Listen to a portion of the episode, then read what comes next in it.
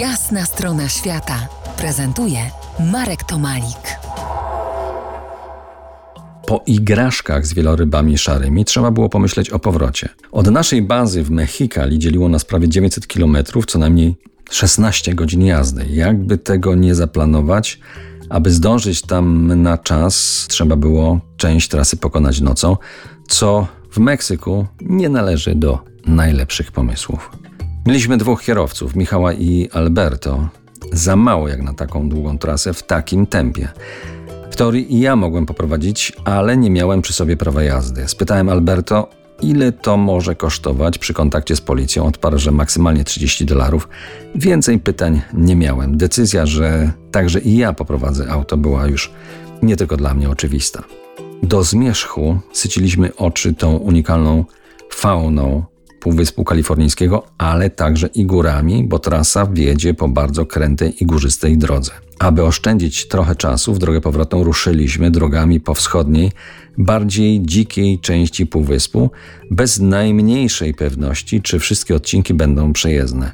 Wszystko działo się w tych lepszych czasach, bez dostępności do Google Maps.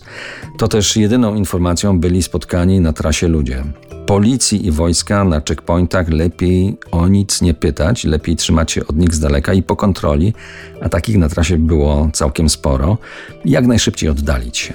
Jak już wspomniałem, wszystko szło dobrze do zmierzchu. W ciemności zrobiło się nieco ponuro, a umysł snuł swoje dość czarne scenariusze.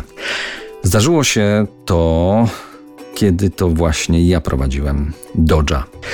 Pewnym momencie zauważyłem, że mam kogoś na ogonie, pewnie od dłuższego czasu, bo jak zwalniałem, on też zwalniał, a kiedy ja przyspieszałem, on też przyspieszał.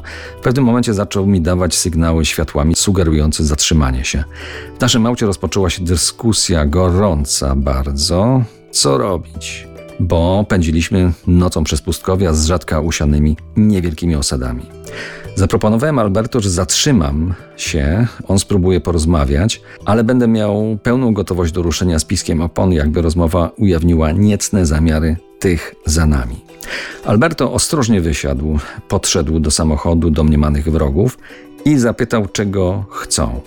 Nie padły strzały, ale to Alberto niemal padł po tym, co od nich usłyszał. Okazało się, że za nami jechał weterynarz z pomocnikiem do krowy która przy drodze została potrącona przez ciężarówkę. Chciał nas tylko zapytać, czy gdzieś tę krowę mm, widzieliśmy na trasie, bo zgłoszenie, do którego jechał, nie posiadało precyzyjnej destynacji.